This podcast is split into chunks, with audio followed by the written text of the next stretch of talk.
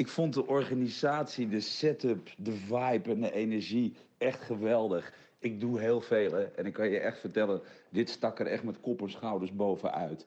Waanzinnig gedaan. Ik weet hoe tijdrovend het is. Wat een goede line-up ook. Daar kunnen echt nog veel merken een puntje aan zuigen hoor. Wat goed dat je luistert naar de podcast NNK is kennis en kansen. Ik ben Michiel van Vught en de gastheer van elke aflevering. De NNK is kennis en kansen podcast is speciaal bedoeld voor financieel professionals. En in elke aflevering praten we hierbij over onderwerpen zoals ondernemerschap, marketing, vermogensplanning. En voor meer informatie kijk je op nnk-kennis.nl.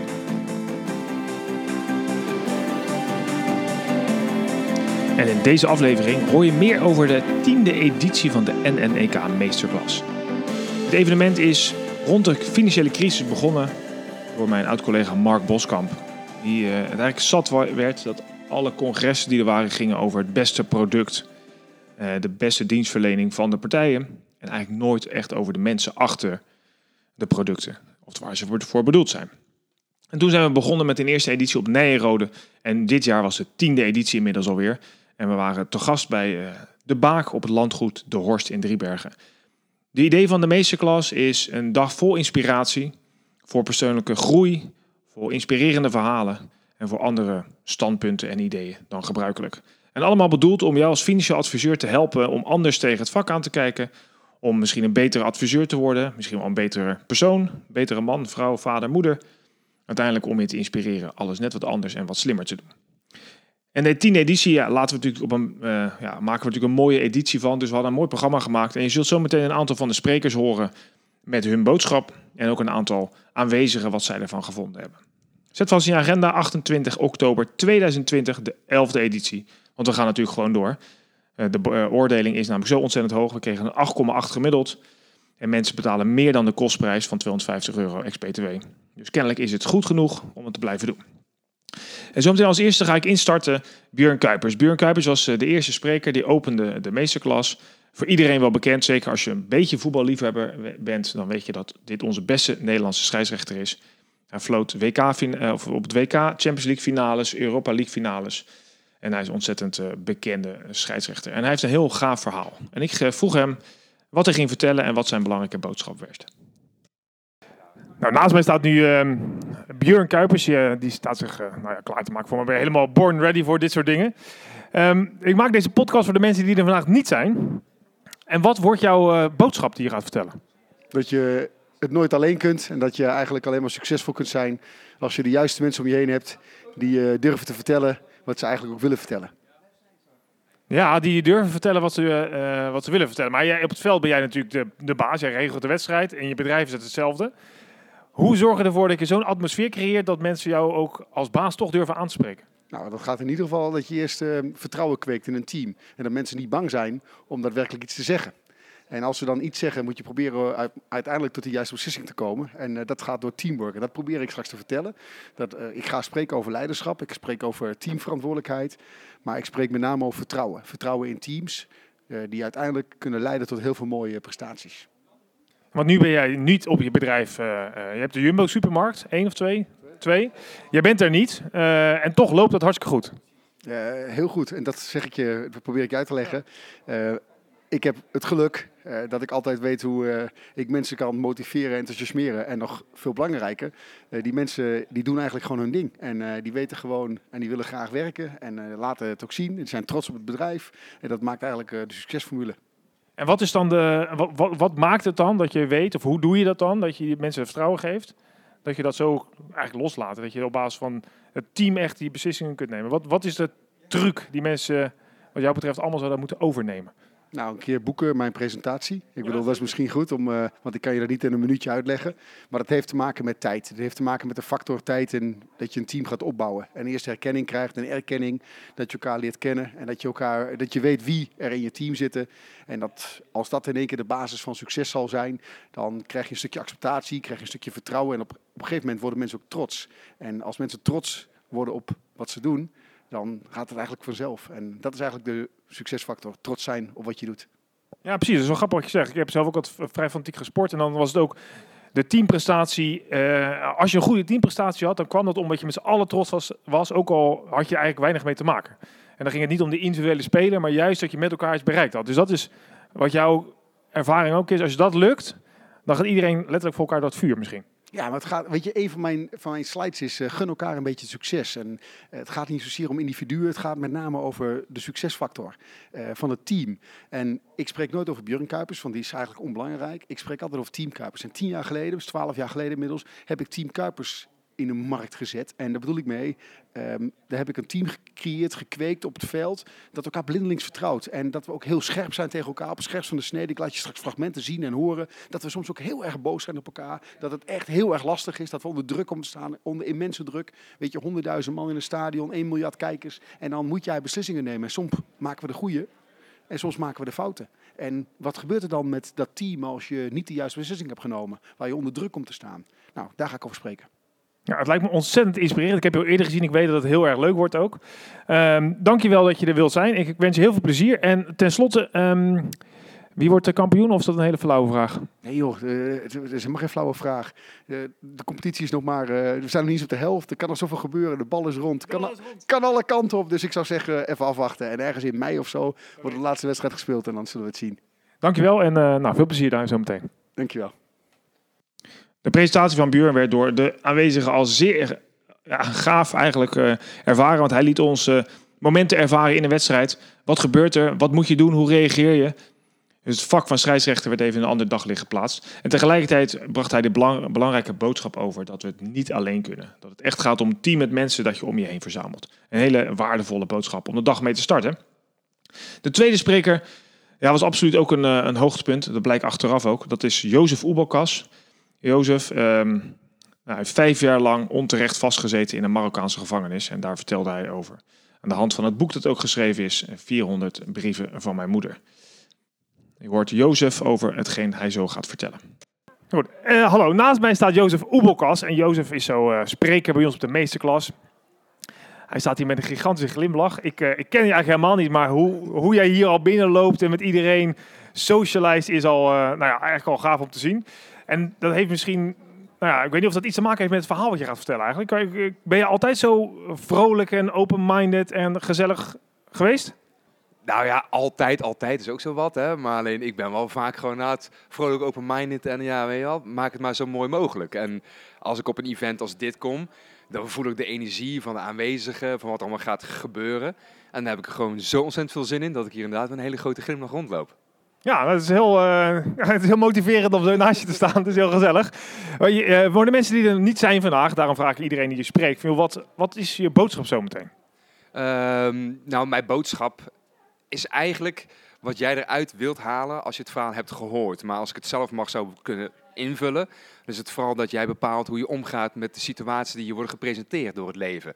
Dus eh, we maken allerlei dingen mee. Ik heb het op mijn manier meegemaakt, hè, met mijn eh, eh, gevangenschap daar, die jaren in Marokko. Ehm, dan is het toch aan jou, wat doe je ermee? Hoe oneerlijk of hoe onrechtvaardig het ook is. Want we maken allemaal dingen mee, nogmaals. Maar wat doe jij ermee? Ja, dat is, jij hebt natuurlijk wel een van de. Ik bedoel, mensen maken allemaal wel dingen mee. Maar jou, in jouw geval was het net wel iets vervelender, heel eufemistisch uitgedrukt. dan wat de gemiddelde mens als tegenslag heeft.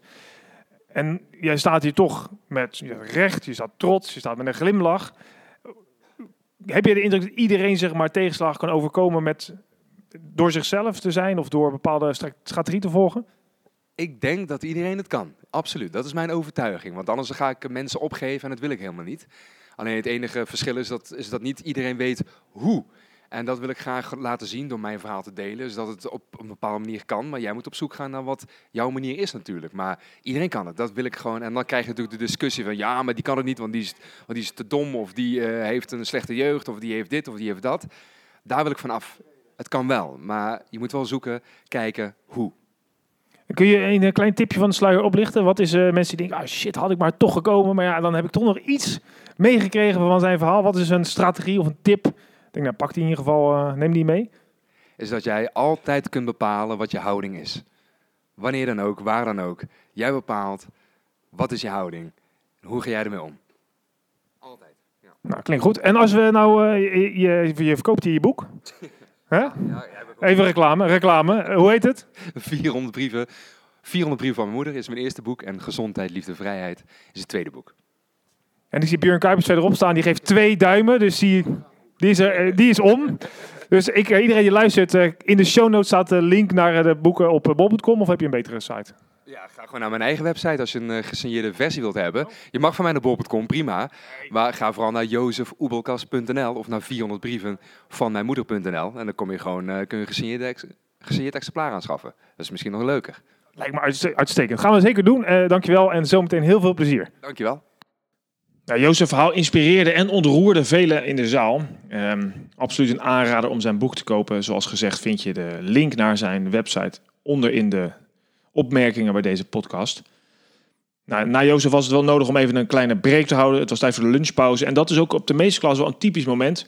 Waar eh, nou, zo ongeveer 180 tot 200 financiële adviseurs, die al regelmatig eh, op de meeste klas geweest zijn, toch even met elkaar bijpraten wat er allemaal speelt. Dus naast een mooi inspiratievol evenement is het ook een waardevol netwerkmoment. Na de pauze was de volgende spreker kwam helemaal uit Schotland.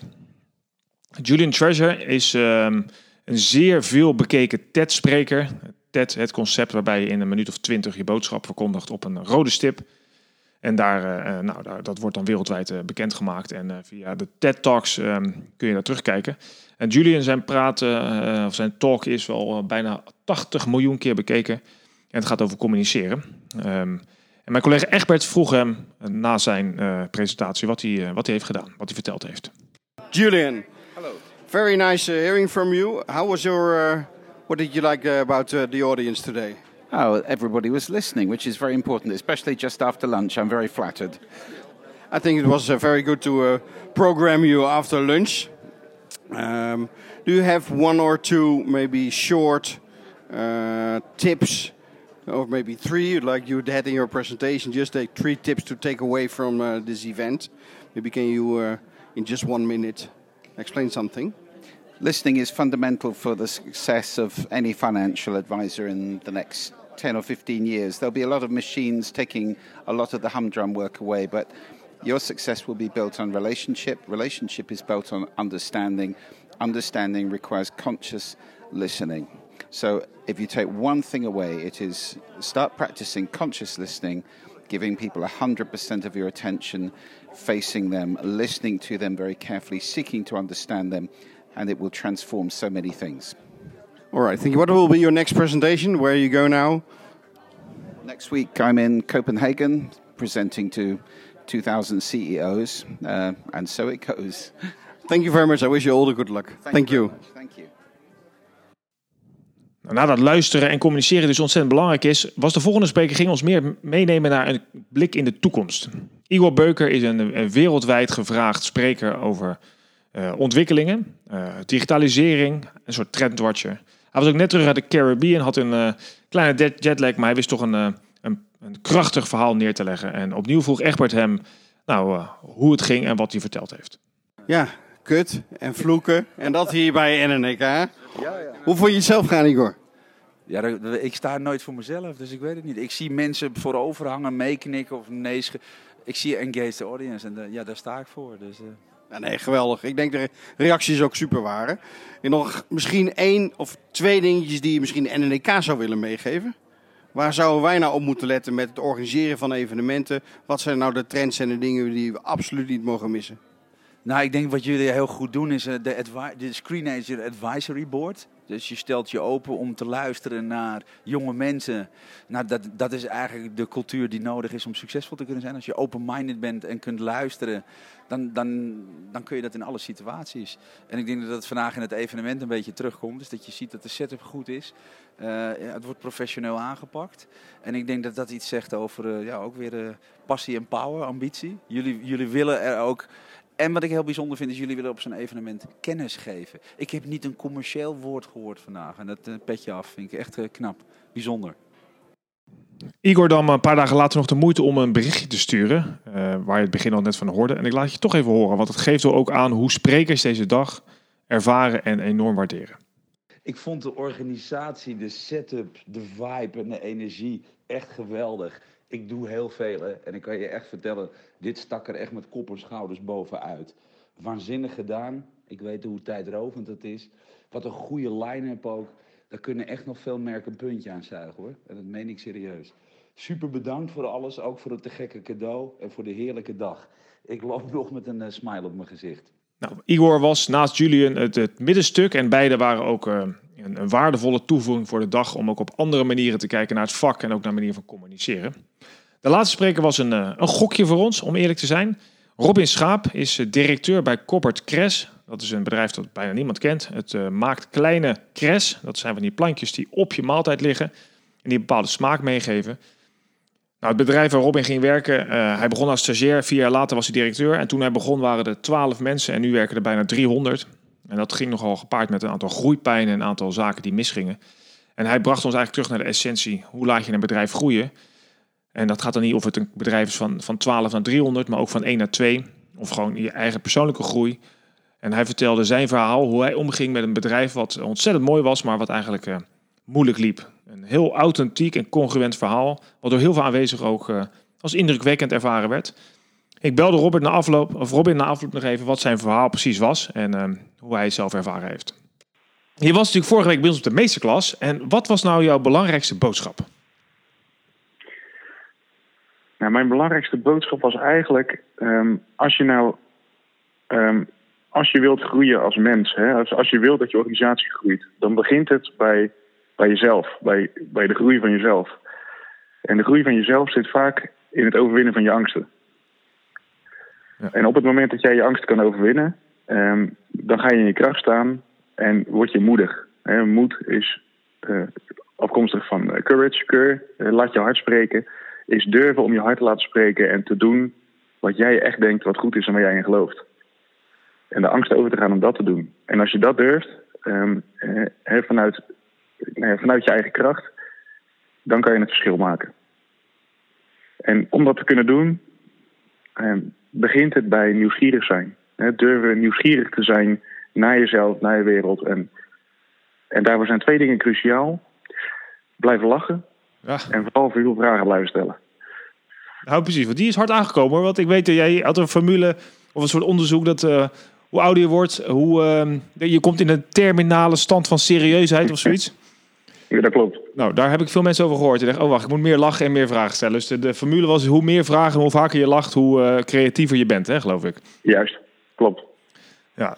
En, En, eh, en voorkom dus dat jij op je, gemiddeld op je 44ste terminaal serieus wordt. Ja,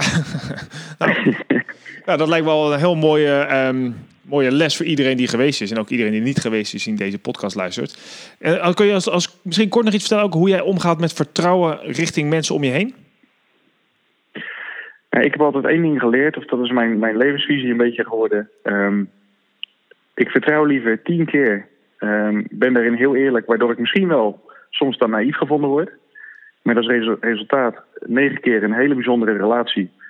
ehm, en één keer een klap voor je gezicht krijgen. En dan vanuit controle werken, niet vanuit vertrouwen. Waardoor je altijd met iedereen oppervlakkig zal blijven. Ja.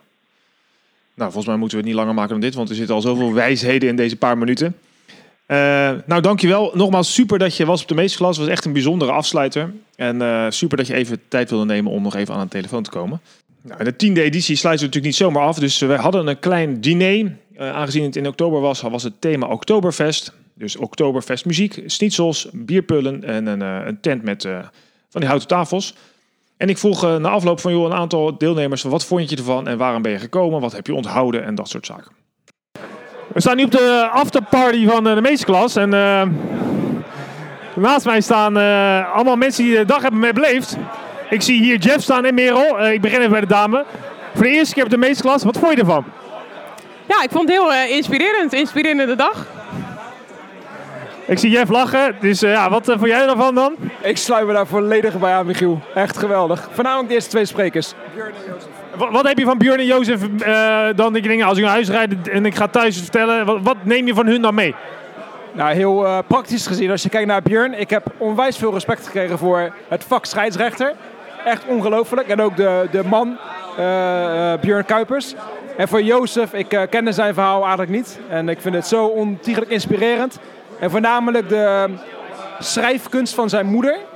Die echt waarschijnlijk super onderbelicht is, want hij schrijft de boeken. Maar zijn moeder is echt een held voor mij. Ah, dus niet Jozef zelf, maar zijn moeder, die eh, ga je nog even opzoeken. Ja, ik denk zonder zijn moeder had Jozef niet de man geweest die hij is eh, geworden. Dus eh, het is een combinatie. Hij is een moedige man die zoiets vreselijks heeft overleefd. Maar mede door zijn moeder. Denk ook, dankjewel. En naast mij staat hier Martin van As. Martin, voor jou ook al de zoveelste keer op de meesterklas. Wa- Wat is je nu meest bijgebleven van de hele dag? Eh, toch wel de presentatie van Jozef. Ja, die vond ik wel eh, heel indrukwekkend. Eh, maar met ongelooflijk veel humor ook verteld. Nou ja, en als je dat verhaal erbij hoort, dan is het wel bijzonder dat hij zo nog steeds in het leven staat en naar de dingen kijkt. Ehm, ja, en dat valt weer onder het kopje inspiratie. Zeker, dat is ook de bedoeling. En op basis van zijn verhaal geeft ik je dan een soort kracht of inspiratie, motivatie om te blijven doen wat je doet? Of juist andere keuzes te maken? Nou ja, het, eh, het bevestigt je nog meer dat je eh, je niet zo druk moet maken om dingen die niet belangrijk zijn. En dat je bezig moet zijn met dingen die leuk zijn. Eh, dat brengt je verder in het leven uiteindelijk. Dat snap ik. Nou, ik zie je volgend jaar weer. Ja, dankjewel. Zeker weten.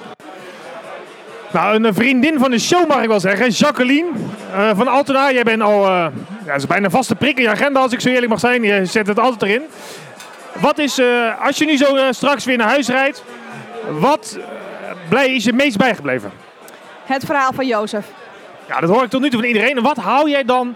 Dat je denkt, ja, dat is, het is een heel, heel inspirerend en bijzonder verhaal. Maar kun je er ook iets mee dat je denkt, nou, als ik dan morgen eh, iets ga doen, wat verandert het voor je? Of wat zet het aan, hoe zet het je aan het denken? Mindset. Het bevestigt dat ik ervan overtuigd ben, en die overtuiging al had, dat mindset alles is.